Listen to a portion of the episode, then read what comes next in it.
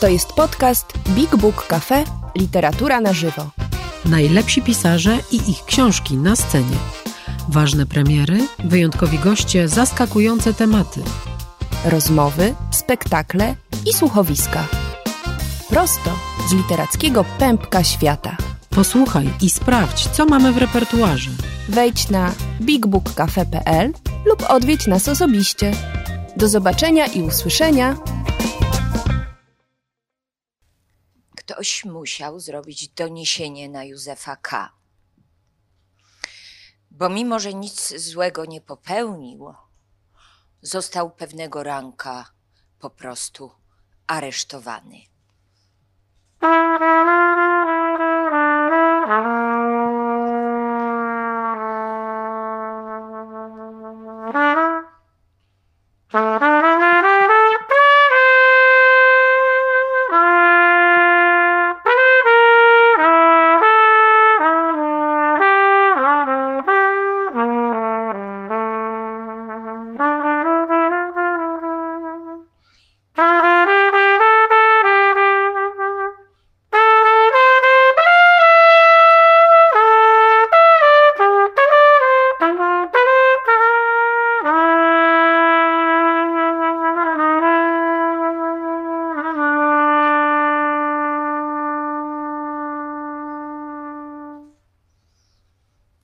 Nie wolno panu odejść. Pan jest aresztowany. Tak to wygląda, rzekł K. Ale za co? spytał potem. Tego panu nie możemy powiedzieć. Proszę pójść do swego pokoju i czekać. Wdrożono już dochodzenie i w swoim czasie dowie się pan o wszystkim. Wychodzę już poza instrukcję, rozmawiając z panem tak uprzejmie. Ale spodziewam się, że tego nie słyszy nikt oprócz Franciszka. A ten jest wbrew wszelkim przepisom, aż nadto grzeczny wobec pana. Jeśli pan dalej będzie miał tyle szczęścia, ile obecnie przy wyznaczaniu strażników, to może pan być całkiem spokojny. Co to byli za ludzie? O czym mówili? Jakiej władzy podlegali? K. żył przecież w, prawie, w państwie praworządnym. Wszędzie panował spokój. Wszystkie prawa były przestrzegane. Kto śmiał go tak we własnym mieszkaniu napadać? Zawsze był skłonny wszystko lekko traktować. Wierzyć temu, co najgorsze. Dopiero kiedy ono nań spadło, nie zabezpieczać się na przyszłość, choćby zewsząd groziły niebezpieczeństwa. W tym jednak wypadku nie wydawało mu się to właściwe. Można było wprawdzie wziąć to wszystko za żart. Gruby żart, który mu z niewiadomych powodów, może z okazji jego dzisiejszej 30. rocznicy urodzin, splatali jego koledzy z banku. To było naturalnie możliwe. I może wystarczyło tylko roześmiać się strażnikom w twarz, aby i oni roześmiali się. Może to może to byli tylko posłańcy z rogu ulicy. W istocie, w istocie byli trochę do nich podobni. Mimo to był od pierwszej chwili niemal od, odkąd spostrzegł strażnika Franciszka, zdecydowany nie wypuszczać z ręki żadnego swego atutu. Z tego, że później powiedzą, iż nie rozumie się na żartach, niewiele sobie robił. Co prawda nie było w jego zwyczaju wyciągać nauk z doświadczenia. Dobrze sobie przypominał pewne same przez się nic nieznaczące wypadki, w których inaczej niż jego znajomi, świadomie i bez najmniejszej troski o możliwe następstwa, zachowywał się nieostrożnie i za to, że w rezultacie został ukarany. To nie powinno było się powtórzyć, przynajmniej tym razem. Jeśli to była komedia, był zdecydowany wziąć w niej udział. Na razie był jeszcze wolny. Jakże mogę być aresztowany i do tego w taki sposób? Znowu pan zaczyna?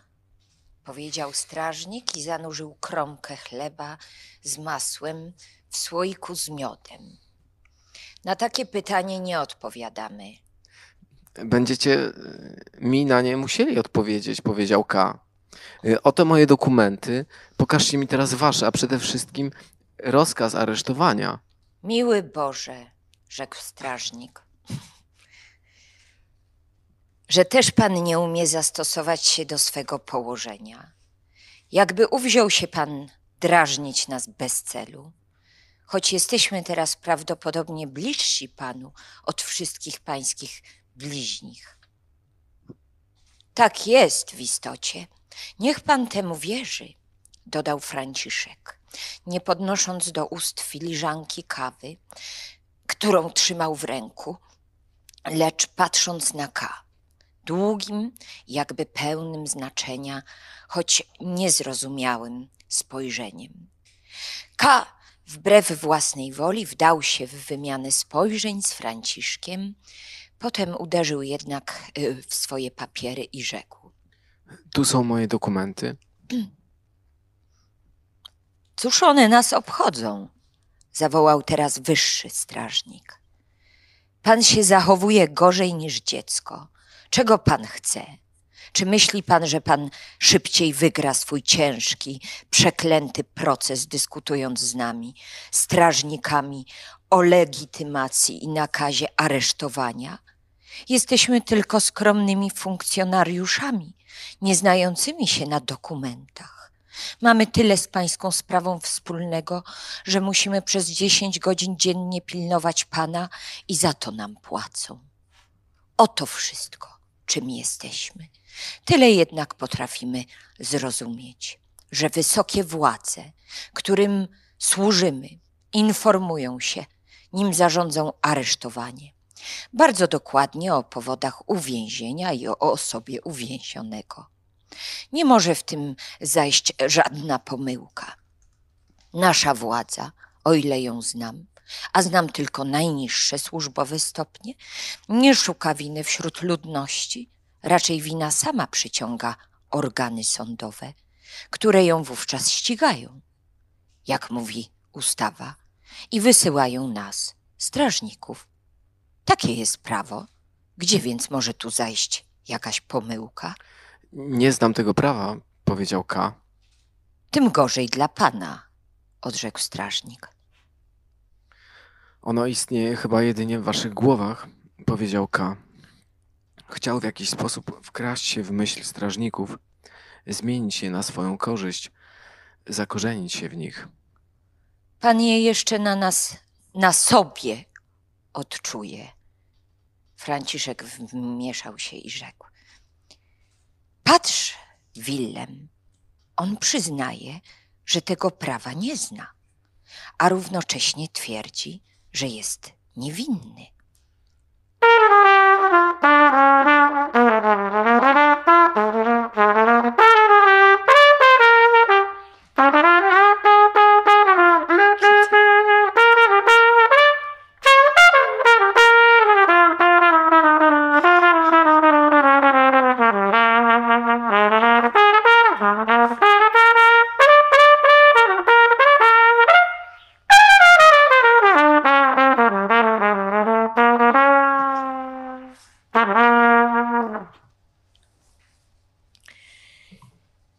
Nadzorca wzywa pana, zawołano. Tym, co go przestraszyło, był krzyk, ten krótki, urywany, żołnierski wrzask, o który by nigdy strażnika Franciszka nie posądzał. Sam rozkaz był mu pożądany. Wreszcie odkrzyknął, zamknął szufladę i natychmiast pobiegł do sąsiedniego pokoju. Tam stali obaj strażnicy i jakby się to samo przez się rozumiało, zagnali go z powrotem do jego pokoju. Co wam przyszło do głowy? wołali. W koszuli chcecie iść do nadzorcy? Każe was obić i nas w dodatku. Puśćcie mnie do diabła, wołał K, którego już przyparli do szafy. Nie można wymagać ode mnie odświętnego stroju, skoro napada się na mnie w łóżku. Trudna rada, powiedzieli strażnicy, którzy zawsze, ilekroć K podnosił głos, uspokajali się, nawet wprost smutnieli, co go mieszało i poniekąd otrzeźwiało. Śmieszne ceremonie, Mruczał jeszcze, ale już zdjął ubranie z krzesła i trzymał je chwilę w obu rękach. Jakby poddawał je ocenie strażników. Potrząsnęli głowami. To musi być czarne ubranie. Na to K rzucił ubranie na ziemię i sam nie rozumiejąc, w jakim sensie to mówi, powiedział: Przecież to jeszcze nie jest y, rozprawa główna. Strażnicy uśmiechnęli się, lecz obstawali przy swoim. To musi być czarne ubranie.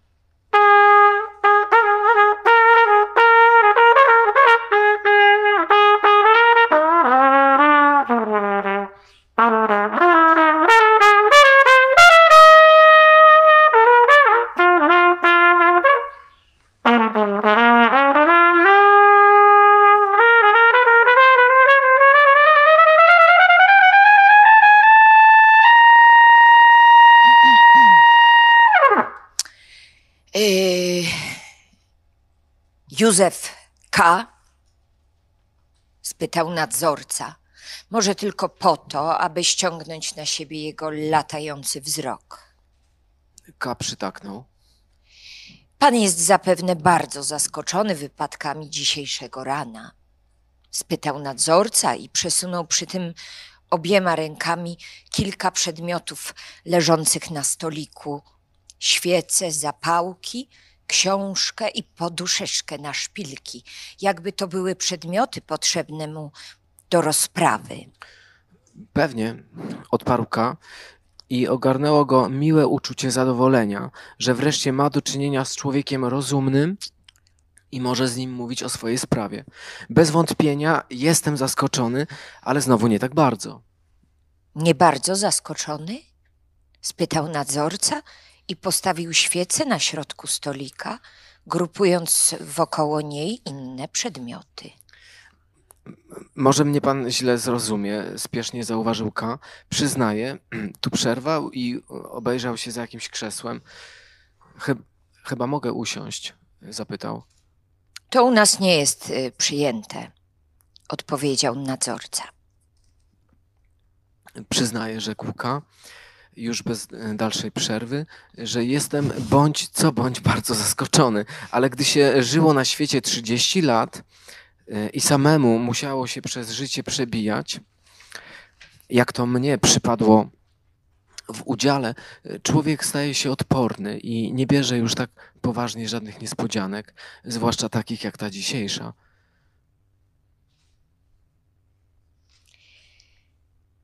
Dlaczego zwłaszcza takich jak ta dzisiejsza? Nie, nie mówię, że uważam to wszystko za żart. Na to y, poczynione przygotowania wydają mi się jednak zbyt daleko idące. Należałoby wmieszać w to wszystkie osoby pensjonatu, a także was wszystkich. A to by przekraczało granice żartu. Nie chcę więc mówić, y, że to jest żart. Z drugiej jednak strony ciągnął daleka i zwrócił się przy tym do wszystkich, y, a chętnie byłby nawet zwrócił się jeszcze do mm, tych trzech przy fotografiach. Z drugiej jednak strony cała ta sprawa nie może być bardzo ważna. Wnioskuję to z tego, że jestem wprawdzie oskarżony, ale nie mogę znaleźć najmniejszej winy, o jaką można mnie było oskarżyć. Ale i to jest drugorzędną y, sprawą. Kto mnie oskarża? Oto zasadnicze pytanie. Jaka władza prowadzi dochodzenia? Czy pan jest urzędnikiem? Nikt z was nie ma munduru. Chyba, że pańskie ubranie. Tu zwrócił się do Franciszka. E, Zechce ktoś uważać za mundur, ale i ono jest raczej strojem podróżnym.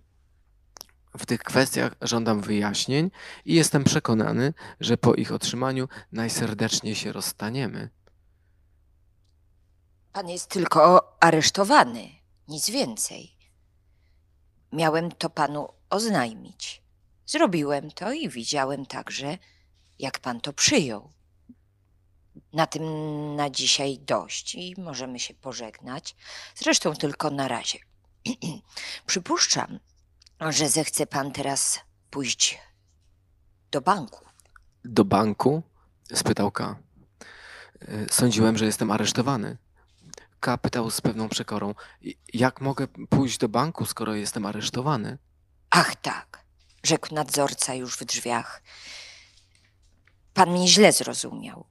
Pan jest aresztowany, pewnie, ale nie powinno to panu przeszkadzać w wykonywaniu zawodu. I nie powinno to również wpłynąć na codzienny tryb pańskiego życia. W takim razie nie jest tak straszną rzeczą być aresztowanym, powiedział K i przystąpił e, blisko do nadzorcy. Nigdy nie byłem innego zdania, odpowiedział on.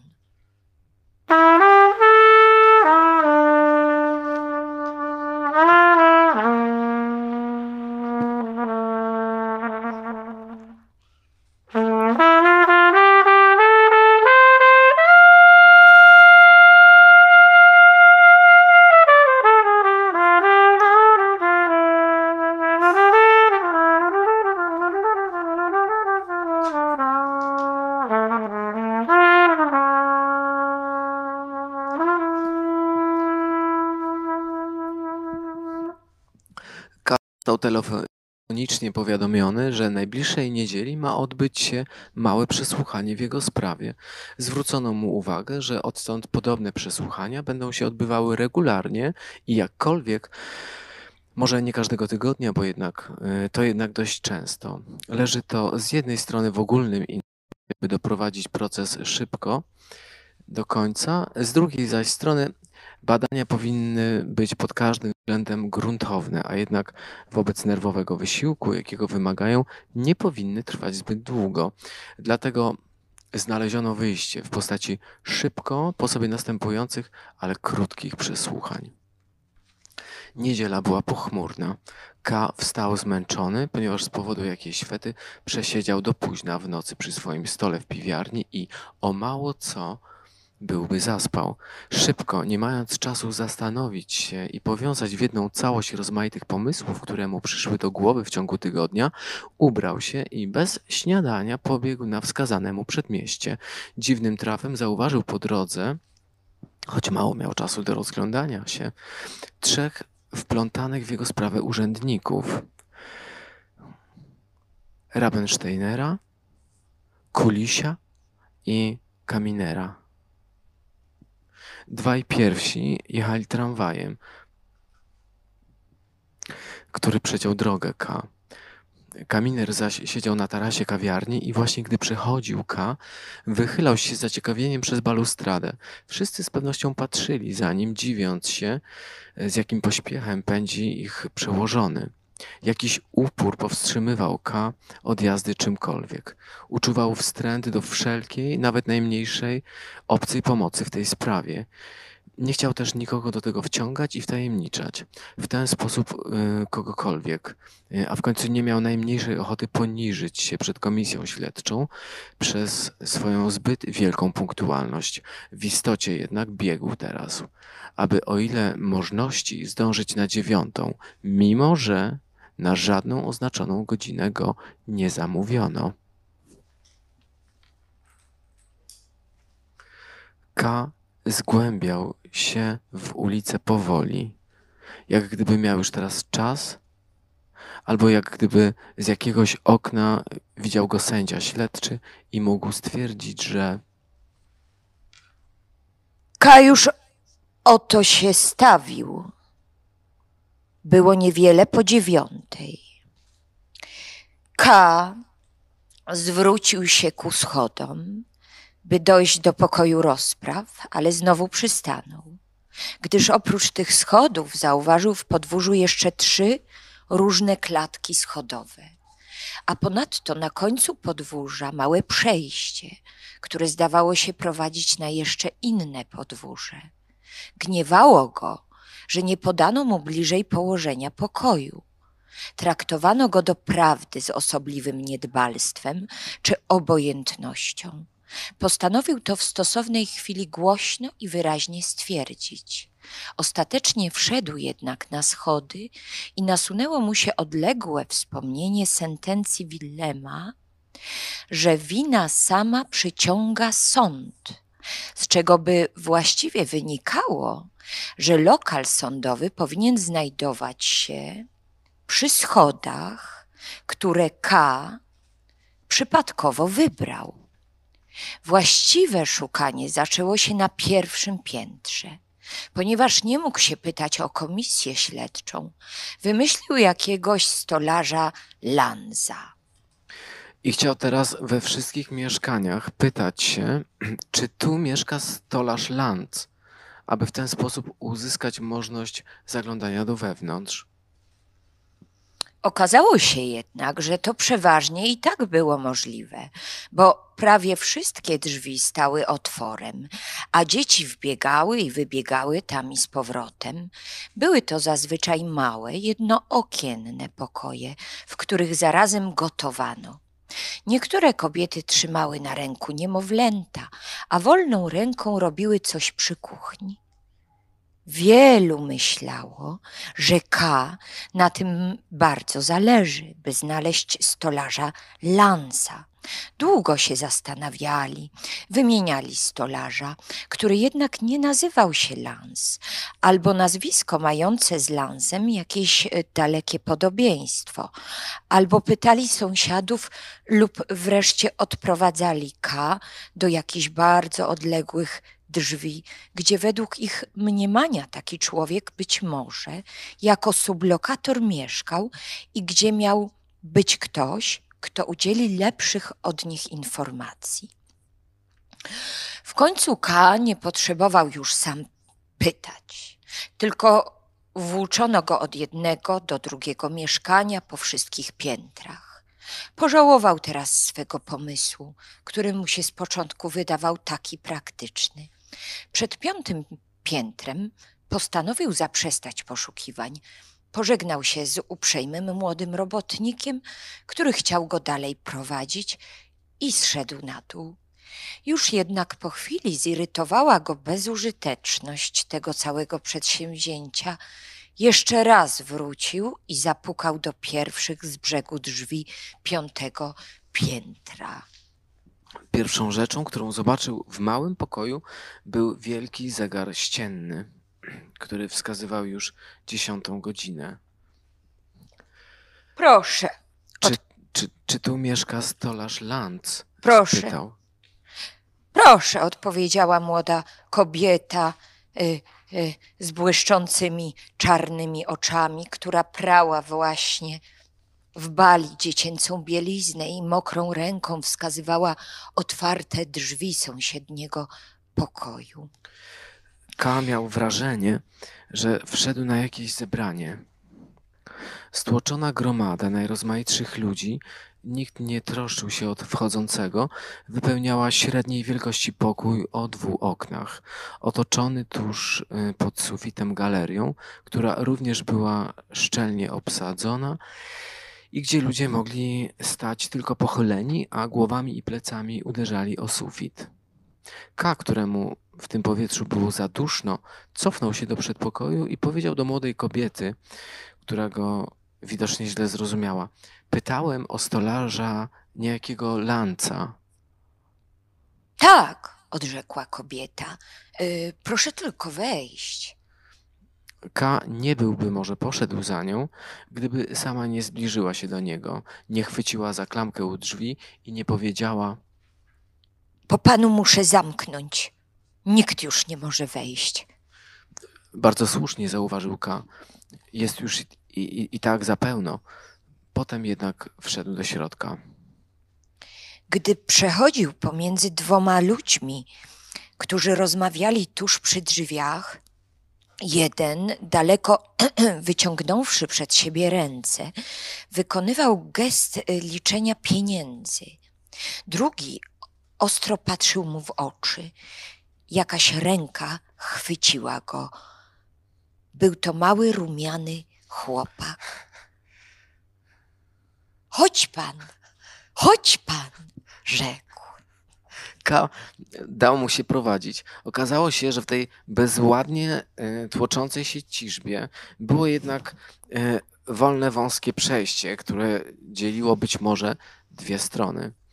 Przemawiało za tym i to, że K w pierwszych rzędach na prawo i na lewo nie widział ani jednej zwróconej do siebie twarzy, tylko plecy ludzi, którzy mową i gestami zwracali się wyłącznie do swojej grupy. po największej części byli ubrani na czarno, w stare, długie i obwisłe odświętne surduty. Jedynie ten strój zbijał z tropu K. Bo zresztą e, wyglądało to wszystko na polityczne zebranie dzielnicy. Na drugim końcu sali, dokąd został zaprowadzony, na bardzo niskim, również przepełnionym podium, stał ustawiony na poprzek mały stół, a za nim blisko krawędzi podium siedział mały, gruby, sapiący mężczyzna, który rozmawiał wśród wybuchów śmiechu z kimś stojącym za sobą. Oparł on łokcie na poręczy krzesła i skrzyżował nogi. Od czasu do czasu siedzący wyrzucał w powietrze rękę, jak gdyby kogoś małpował. Chłopak, który prowadził K, próbował nie bez trudu zgłosić jego przybycie. Dwa razy usiłował, wspiąwszy się na palce, coś powiedzieć, ale człowiek z podium nie zwracał na niego uwagi. Dopiero gdy ktoś z podium zauważył go i wskazał siedzącemu przy stole, zwrócił się ów człowiek do niego i nachylony słuchał jego cichego raportu. Następnie wyciągnął zegarek i popatrzył szybko na K. Pan powinien był y, przyjść przed godziną i pięciu minutami. Chciał coś y, odpowiedzieć, lecz nie znalazł na to czasu. Y, ledwie to bowiem tamten powiedział, gdy w prawej połowie sali podniosło się ogólne szemranie. Pan powinien był przyjść przed godziną i pięciu minutami, powtórzył ów człowiek, ów człowiek podniesionym głosem i prędko powiódł okiem po sali. Natychmiast też y, szemranie wzrosło, mm, uciszając się dopiero stopniowo, zwłaszcza, że ów człowiek nic więcej nie powiedział. Było teraz na sali o wiele ciszej niż w chwili, gdy wchodził K. Tylko ludzie na galerii nie przestawali robić uwag. Wydawali się, o ile można było coś rozróżnić tam na górze w półmroku, kurzu i zaduchu, gorzej ubrani od tych z parteru. Niektórzy przynieśli ze sobą jaski, które włożyli między głowę a sufit, aby uniknąć bolesnego ucisku. K postanowił więcej obserwować niż mówić, wobec czego zrezygnował z obrony przed zarzutem rzekomego spóźnienia i rzekł tylko: Może i przyszedłem za późno, y, ale teraz oto jestem. Nastąpiły oklaski. Znowu z prawej strony sali. Tych można sobie łatwo pozyskać, pomyślał, i raziła go tylko cisza w lewej połowie, którą miał akurat z tyłu za sobą i z której dochodziło tylko pojedyncze klaskanie w dłonie. Zastanawiał się, co by powiedzieć, aby zdobyć od razu wszystkich, a jeśli to niemożliwe, chwilowo przynajmniej tamtych. Tak, rzekł ów człowiek, ale ja nie jestem już zobowiązany pana teraz przesłuchiwać. Rozległo się znowu szemranie, tym razem jednak wskutek nieporozumienia, bo uciszając ludzi ręką ciągnął dalej. Chcę to jednak wyjątkowo dziś jeszcze uczynić. Podobne spóźnienie nie może się już nigdy powtórzyć. A teraz proszę wystąpić. Ktoś zeskoczył z podium, także dla K zrobiło się wolne miejsce, które zajął. Stał ciasno przyparty do stołu. Ciżba za nim była tak wielka, że musiał jej stawić opór, jeśli nie chciał strącić z podium stołu siedzącego sędziego śledczego, a może nawet jego samego. Lecz sędzia śledczy nie zważał na to, tylko siedział wygodnie na swoim krześle i skończywszy w paru słowach rozmowę ze stojącym za nim człowiekiem, sięgnął po mały notatnik. Jedyny przedmiot leżący na jego stole. Był formatu zeszytowego, stary, przez częste kartkowanie zupełnie zniszczony. A więc, rzekł sędzia śledczy, przekartkował zeszyt i zwrócił się do K. Tonem stwierdzenia. Pan jest malarzem pokojowym? Nie, rzekł K. Y, Tylko pierwszym prokurentem Wielkiego Banku. Tej odpowiedzi towarzyszył tak serdeczny śmiech z prawej strony, że K Sam musiał, sam musiał się zaśmiać. Ludzie podparli się rękami na kolanach i trzęśli się jak w ciężkim napadzie kaszlu. Śmiali się nawet poszczególni widzowie na galerii. Rozgniewany do żywego sędzia śledczy, który był widocznie bezsilny wobec ludzi z parteru, szukał odwetu na galerii. Zerwał się, groził w jego kierunku i jego brwi, dotąd mało widoczne, nastroszyły się krzaczasto. Lewa połowa sali zachowywała się jeszcze wciąż cicho. Ludzie stali tam rzędami, podnosili głowy ku podium i słuchali równie spokojnie wymiany słów jak wrzasku drugiej strony. Dopuszczali, dopuszczali nawet, by niektórzy z ich szeregów solidaryzowali się tu i ówdzie z tamtą stroną. Ludzie lewej partii sądowej, która zresztą była mniej liczna, byli może w, w, w gruncie równie mało ważni jak tamci, ale ich spokojne zachowanie się nadawało im pozory większego autorytetu. Gdy K zaczął teraz mówić, przekonany był, że mówi po ich myśli. Nie szukam oratorskiego sukcesu, mówił K, idąc za tokiem swoich myśli. Nie wmawiam sobie, jakobym go mógł zdobyć. Pan sędzia śledczy najprawdopodobniej mówi o wiele lepiej, to należy przecież do jego zawodu.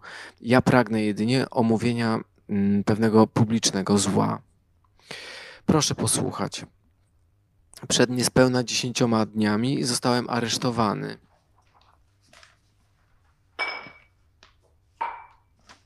Sam śmieję się z faktu aresztowania, ale to teraz y, do rzeczy nie należy. Naszli mnie rano w łóżku.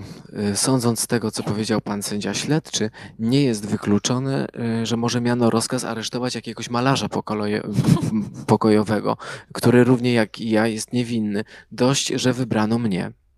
Dwóch ordynarnych strażników zajęło sąsiedni pokój. Nawet gdybym był najniebezpieczniejszym bandytą, nie można było wykazać większej ostrożności. Ci strażnicy, była to zresztą zdemoralizowana hołota, uszy bolały od ich głupiej gadaniny, chcieli się dać przekupić. Próbowali pod różnymi pozorami wyłudzić ode mnie ubrania i bieliznę, żądali pieniędzy, aby mi rzekomo przynieść śniadanie, gdy poprzednio w, w moich oczach najbezwstydniej zjedli moje własne. Nie dość na tym.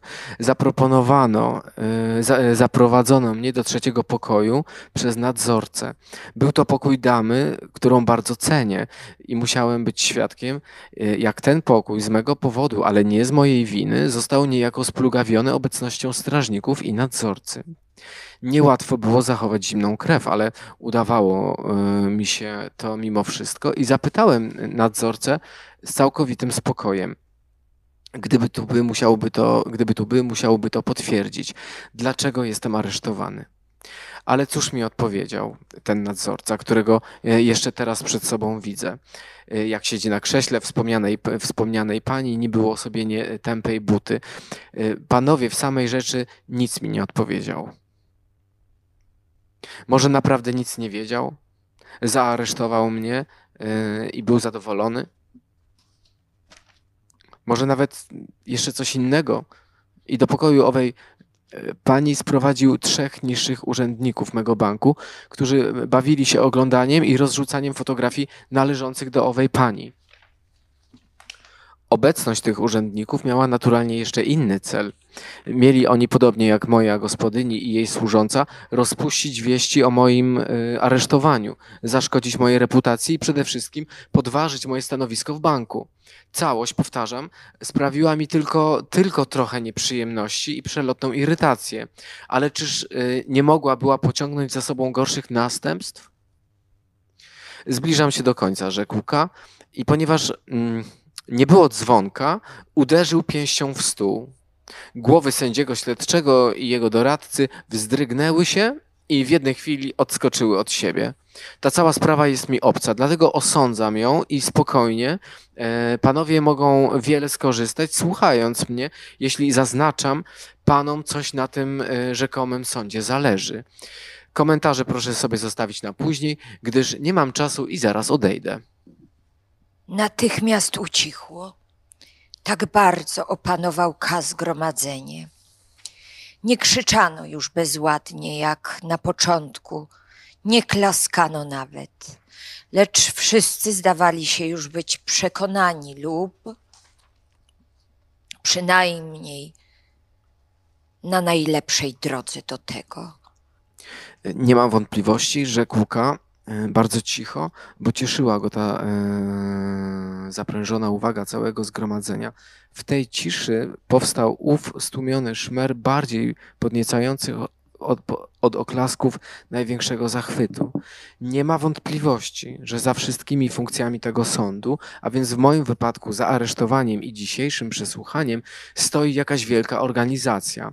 Organizacja, która zatrudnia nie tylko przekupnych strażników, ograniczonych nadzorców i sędziów śledczych, mających w najlepszym razie skromne wymagania, lecz także utrzymuje biurokrację wysokiego i najwyższego stopnia z nieodzownym, a niezliczonym orszakiem sług, pisarzy, żandarmów i innych pomocników, może nawet katów. Tak jest, nie cofam tego słowa.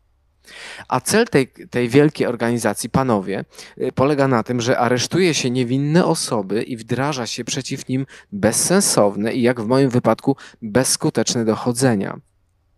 Jak więc mogłaby wobec mojej bezmyślności tego wszystkiego nie istnieć najgorsza korupcja urzędników?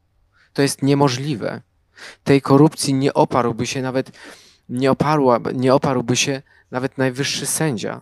Dlatego starają się strażnicy zedrzeć ubranie z, z ciała aresztowanego. Dlatego wdzierają się nadzorcy do cudzych mieszkań. Dlatego zamiast przesłuchiwać niewinnych, znieważa się ich przed całym zebraniem. Strażnicy opowiadali mi o magazynach, w których przechowuje się własność aresztowanych, i chciałbym raz widzieć te pomieszczenia, w których gnije z trudem zapracowany ich majątek jeśli go nie rozkradają złodziejscy urzędnicy tych magazynów. Więc to tak, zawołał K.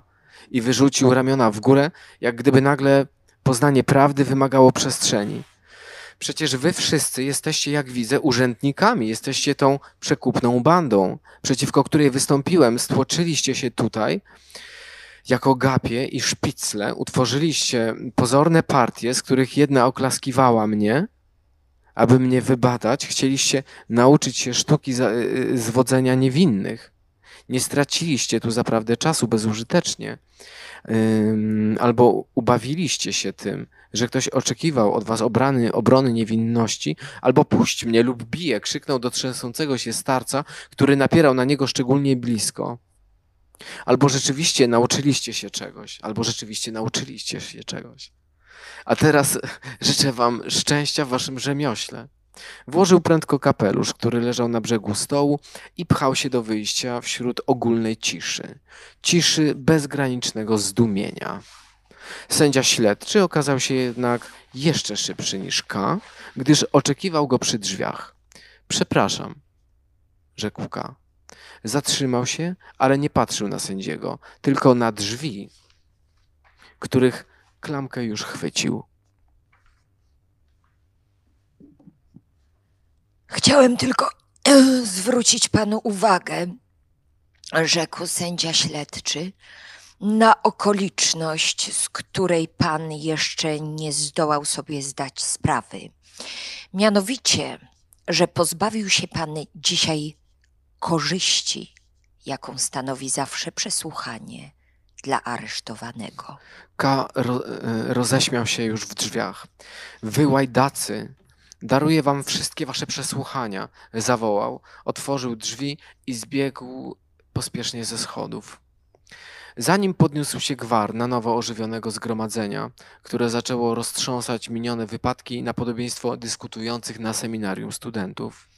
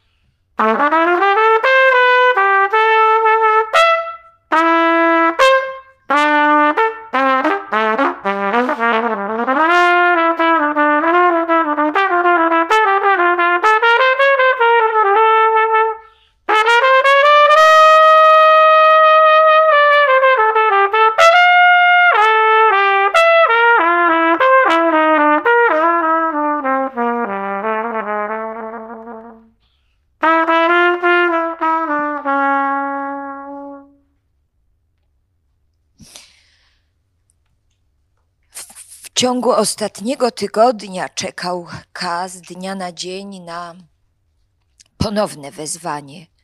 Nie mógł wierzyć, by wzięto dosłownie jego zrzeczenie się dalszych przesłuchań.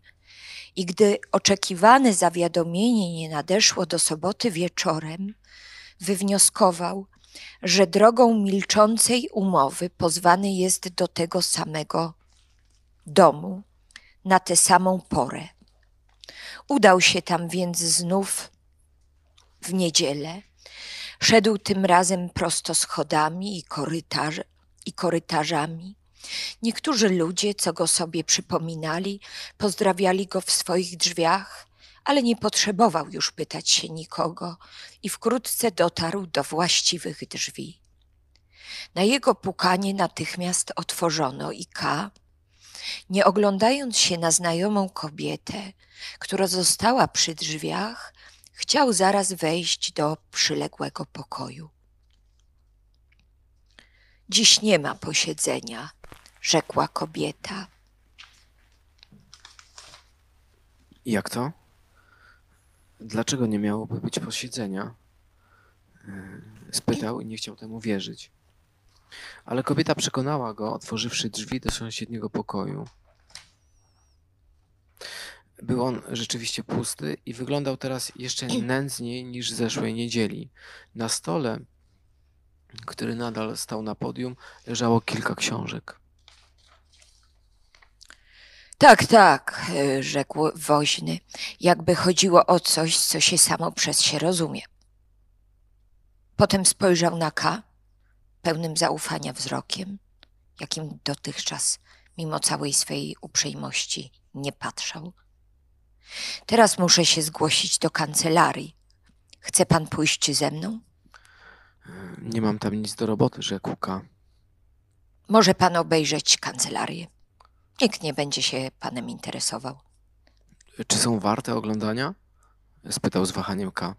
Miał jednak e, wielką ochotę pójść z nim.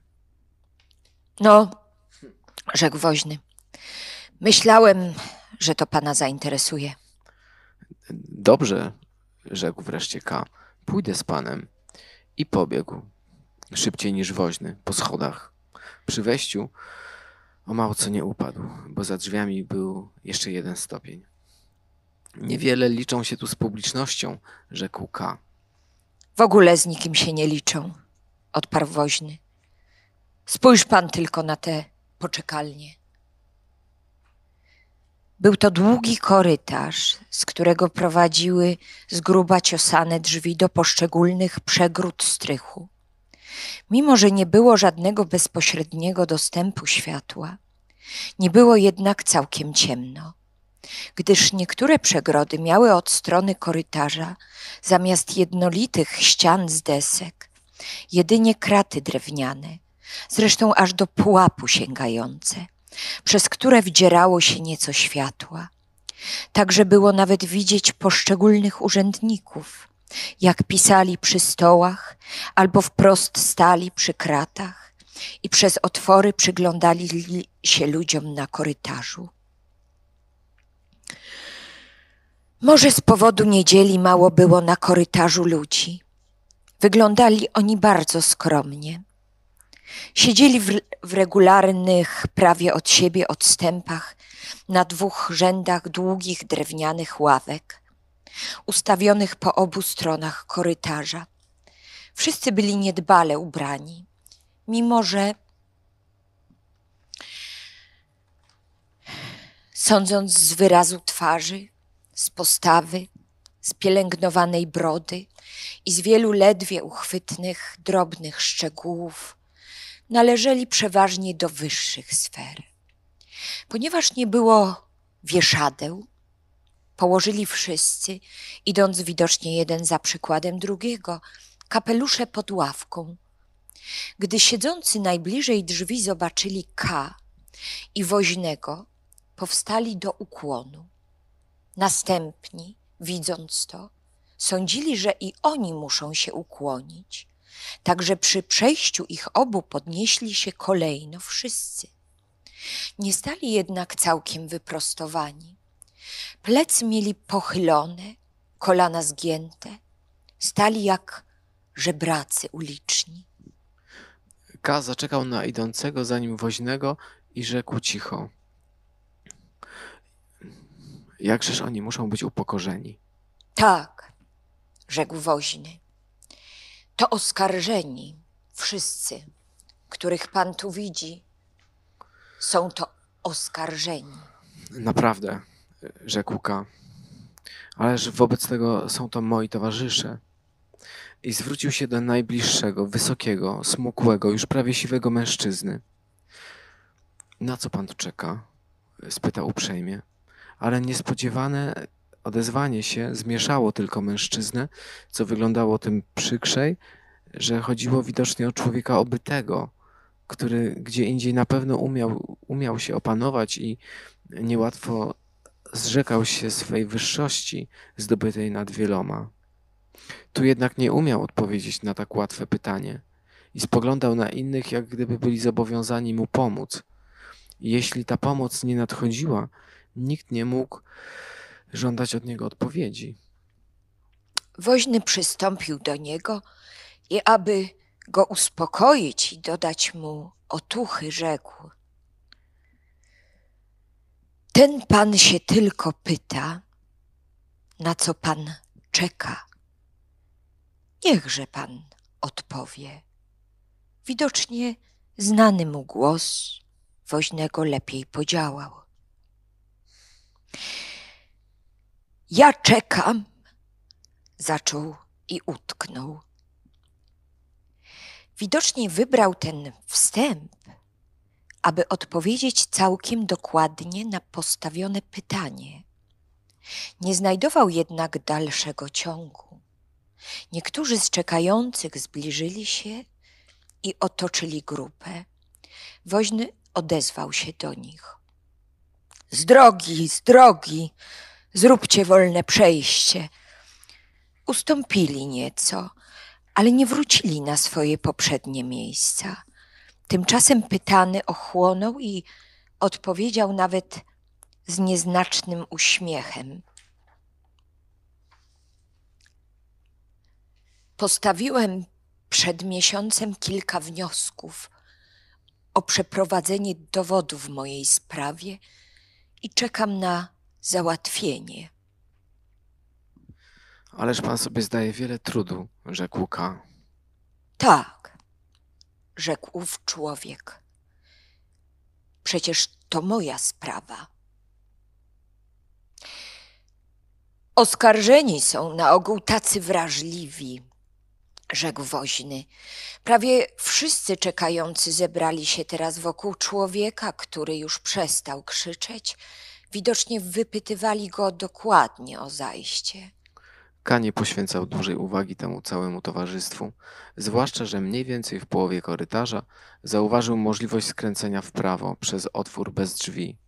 Zapytał woźnego, czy to jest właściwa droga. Woźny skinął głową i K rzeczywiście tam skręcił. Ciężko mu. Cią, cią, ciążyło mu, że zawsze musiał iść o dwa kroki przed woźnym. Łatwo mogło się wydawać, zwłaszcza w tym miejscu, że jest prowadzony jak aresztant. Przystawał więc często i czekał na woźnego, ale ten teraz znowu zostawał w tyle. Wreszcie, aby wybrnąć z tej niemiłej sytuacji, rzekł. A więc y, już obejrzałem, y, jak to tu wygląda. Chcę teraz odejść. Nie widział pan jeszcze wszystkiego, rzekł woźny pozornie niewinnym tonem. Nie chcę widzieć wszystkiego, rzekł K, który czuł się zresztą rzeczywiście zmęczony. Chcę odejść. Jak idzie się tu do wyjścia? Chyba się pan jeszcze nie zabłąkał? spytał woźny ze zdziwieniem. Pójdzie pan tu, aż do rogu, a potem na prawo korytarzem w dół wprost drzwi. Niech pan ze mną pójdzie, rzekł K i pokaże mi drogę. Zmylę ją. Tyle tu jest dróg. To jest jedyna droga, rzekł woźny, teraz już z wyrzutem. Nie mogę z panem wracać. Muszę złożyć mój raport, a przez pana straciłem już tyle czasu. Pan pójdzie ze mną, powtórzył K. Teraz ostrzej, jak gdyby przyłapał woźnego na nieprawdzie.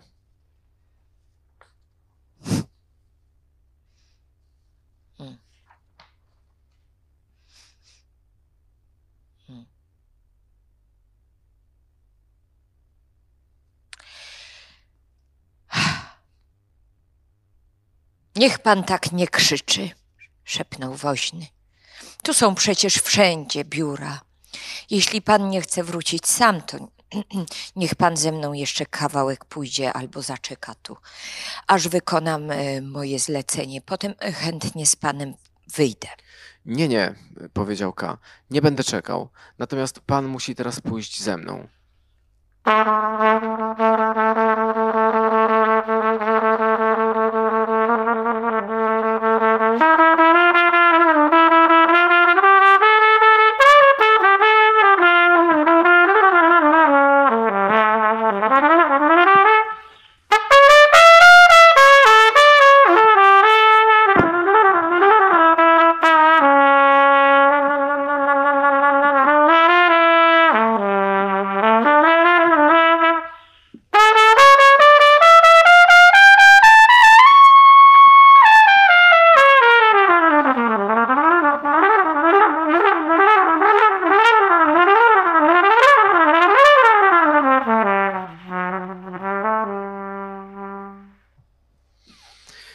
Zimowego ranka na dworze padał śnieg.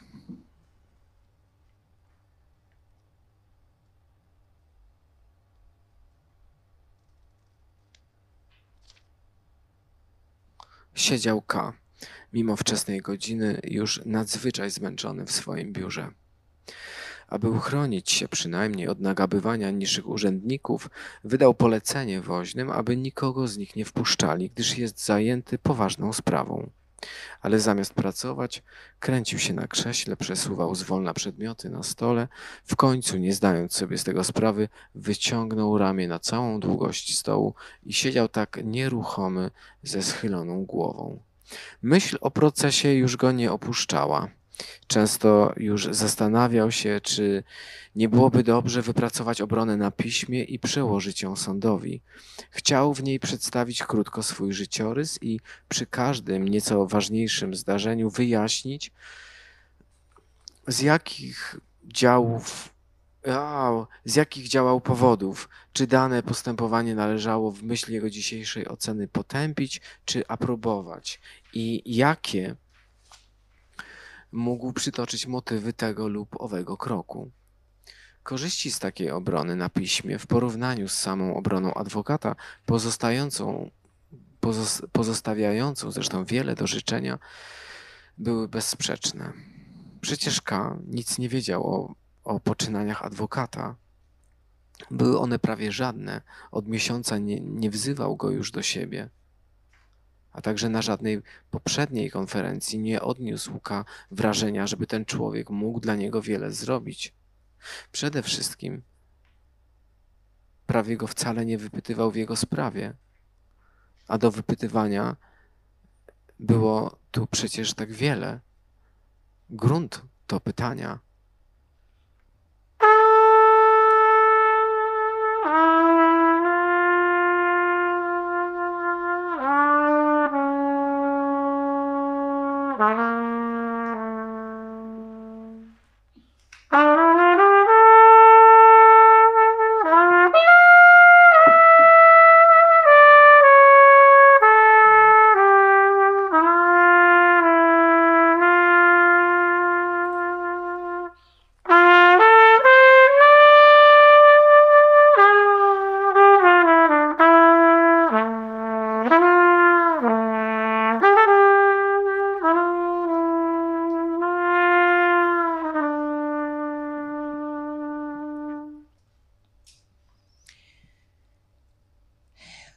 Przeddzień jego trzydziestych pierwszych urodzin.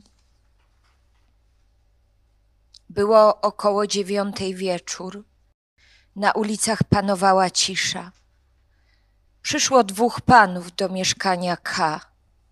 W żakietach, tłuści i bladzi, w mocno nasadzonych na głowę cylindrach.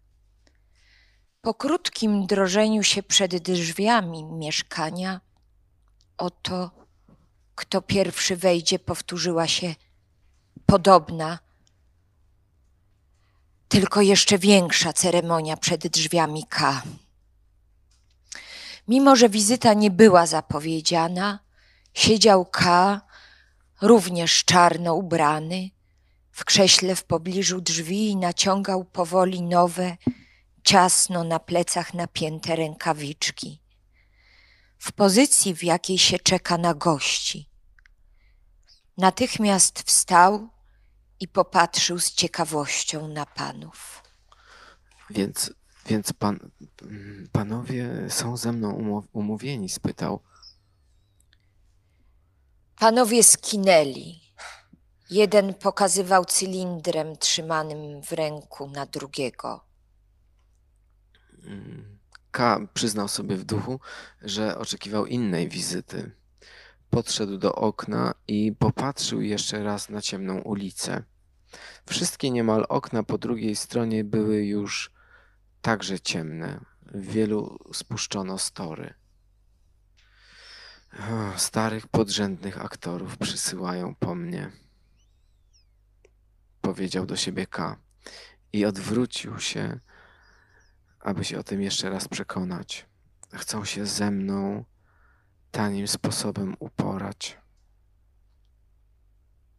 Nagle odwrócił się do nich i spytał: W jakim teatrze panowie grają? W teatrze?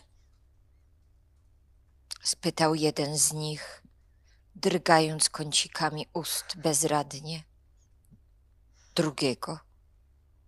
Drugi zachował się jak niemy, który walczy z opornym organizmem. Nie są przygotowani na pytania, powiedział do siebie K. I poszedł po kapelusz.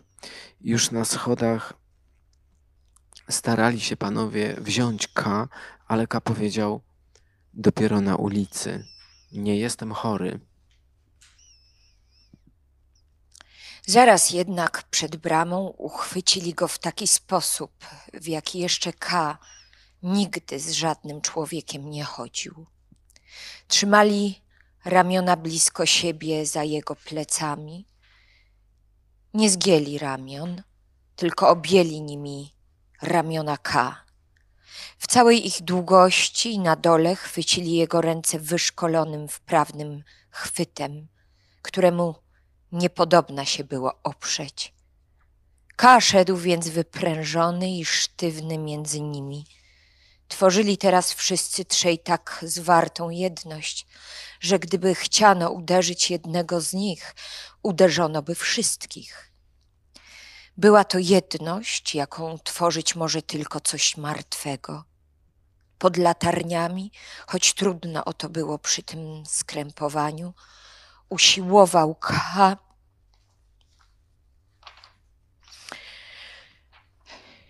przyjrzeć się swoim towarzyszom dokładniej, niż to było możliwe w ciemnym pokoju.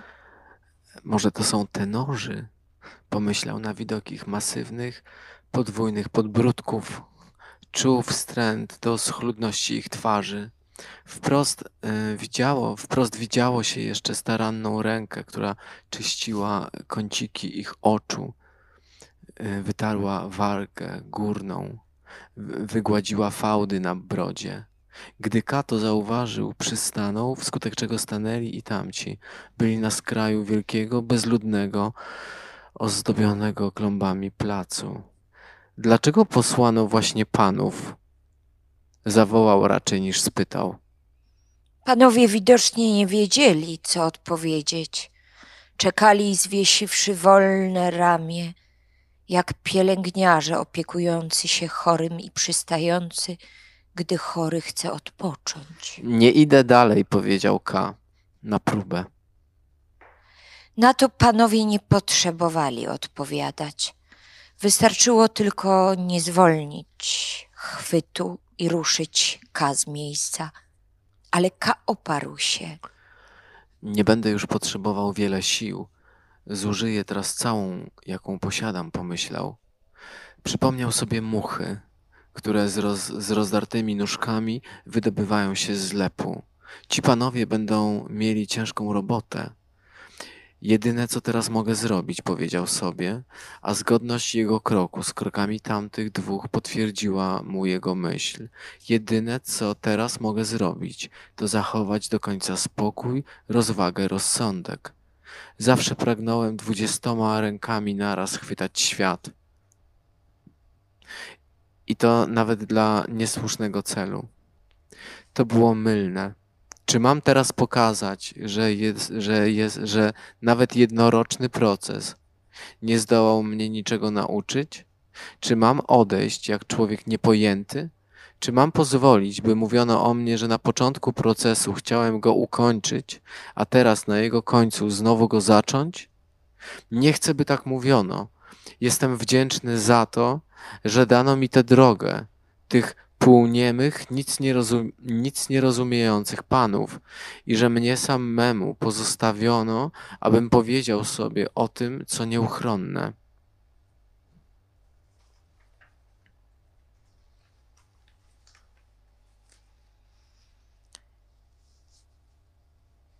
Przechodzili przez kilka wznoszących się pod górę uliczek, na których tu i ówdzie stali lub przechadzali się policjanci. Raz oddaleni, raz bardzo blisko. Jeden z krzaczastym wąsem, z ręką na rękojeści szabli, przystąpił jakby naumyślnie blisko do tej nieco podejrzanej grupy. Panowie przystanęli. Policjant już chciał usta otworzyć, gdy K z siłą pociągnął panów naprzód. Często odwracał się ostrożnie, czy policjant nie idzie za nimi, ale gdy oddzielił ich od niego zakręt, zaczął K biec. Panowie musieli zadyszani biec z nim razem. Tak dostali się szybko za miasto, które w tej stronie prawie bez przejścia łączyło się z polami. Mały kamieniołom, pusty i samotny, leżał w pobliżu całkiem jeszcze z miejsca wyglądającego domu. Tu się panowie zatrzymali. Czy to dlatego, że to miejsce było od samego początku ich celem? Czy to, że byli zbyt wyczerpani, by biec jeszcze dalej? Teraz puścili K, który w milczeniu czekał. Zdjęli cylindry i rozglądając się po kamieniołomie, ocierali sobie chusteczkami pod czoła. Wszędzie leżało światło księżyca, zadziwiając swą naturalnością i spokojem, niedanym żadnemu innemu światłu. Po wymianie kilku grzeczności w związku z tym, kto wykona dalsze zadania, widocznie nie podzielono między nich zleconych czynności. Podszedł jeden z nich do K i zdjął mu surdut, kamizelkę, wreszcie koszulę. K wstrząsnął mimo, mimowolny deszcz. Na co ów uspokoił go lekkim uderzeniem w plecy. Następnie złożył starannie rzeczy jak coś, czego się jeszcze będzie używało, jeśli nawet nie w najbliższym czasie, aby nie narażać kana bezruch w chłodnym powietrzu nocy. Wziął go pod ramię i chodził z nim trochę tam i z powrotem, gdy tymczasem drugi obszukiwał kamieniołom, by znaleźć jakiegoś odpowiednie, jakieś odpowiednie miejsce. Gdy je znalazł, kiwnął na pierwszego i ten zaprowadził tam K. Było to blisko ściany kamieniołomu. Leżał tam odłamany kamień. Panowie posadzili K na ziemi, oparli go o kamień i ułożyli na nim jego głowę. Mimo całego wysiłku, jaki sobie zadali, i mimo całej uprzejmości, jaką im K okazywał, pozycja jego była dziwnie wymuszona i nieprawdopodobna. Dlatego jeden z nich prosił drugiego, by mu pozwolił samemu zająć się ułożeniem K, ale i to niczego nie polepszyło. Wreszcie zostawili K w położeniu nawet nie najlepszym ze wszystkich dotychczasowych. Potem rozpiął jeden z panów swój żakiet i wyjął z pochwy, która wisiała na pasku ściskającym kamizelkę, długi, cienki, z obu stron wyostrzony nóż rzeźnicki. Podniósł go i badał ostrze w świetle księżyca. Znowu zaczęły się odrażające ceremonie. Jeden podawał drugiemu nóż. Ten znowu zwracał go z powrotem nad głową K. K wiedział teraz dobrze, że byłoby jego obowiązkiem chwycić nóż przechodzący tak nad nim z rąk do rąk i przebić się. Ale nie zrobił tego, tylko obracał wolną jeszcze szyję i rozglądał się dookoła. Nie potrafił wytrzymać próby do samego końca i wyręczyć całkowicie władzy. Odpowiedzialność za ten ostatni błąd ponosił ten, który mu odmówił tej reszty potrzebnej siły. Jego wzrok padł na najwyższe piętro graniczącego z kamieniołem domu. Jak błyska światło, tak rozwarły się tam skrzydła jakiegoś okna. Jakiś człowiek, słaby i nikły, w tym oddaleniu i na tej wysokości, wychylił się jednym rzutem daleko przez okno i wyciągnął jeszcze dalej ramiona. Kto to był? Przyjaciel? Dobry człowiek? Ktoś, kto współczuł? Ktoś, kto chciał pomóc? Byłże to ktoś jeden? Czy byli to wszyscy? Byłaż jeszcze możliwa pomoc? Istniały jeszcze wybiegi, o których się zapom zapomniało? Na pewno istniały. Logika wprawdzie jest niewzruszona, ale człowiekowi, który chce żyć, nie może się ona oprzeć. Gdzie był sędzia, którego nigdy nie widział? Gdzie był wysoki sąd, do którego nigdy nie doszedł? Podniósł ręce i rozwarł wszystkie palce. Ale na gardle jego spoczęły ręce jednego z panów. Gdy drugi tymczasem wepchnął mu nóż w serce i dwa razy nim obrócił. Gasnącymi oczyma widział jeszcze K, jak panowie blisko przed jego twarzą, policzek przy policzku, śledzili ostateczne rozstrzygnięcie. Jak pies, powiedział do siebie. Było tak, jak gdyby wstyd miał go przeżyć.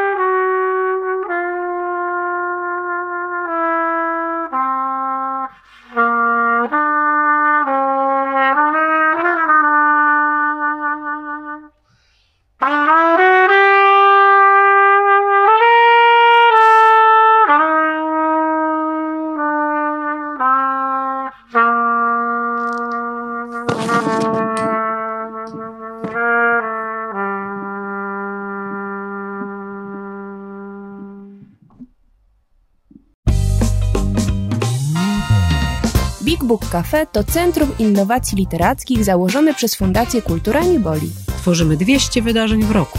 Prowadzimy wege kawiarnię i księgarnię pełną dobrych książek. Big Book Cafe. Żyjemy czytaniem.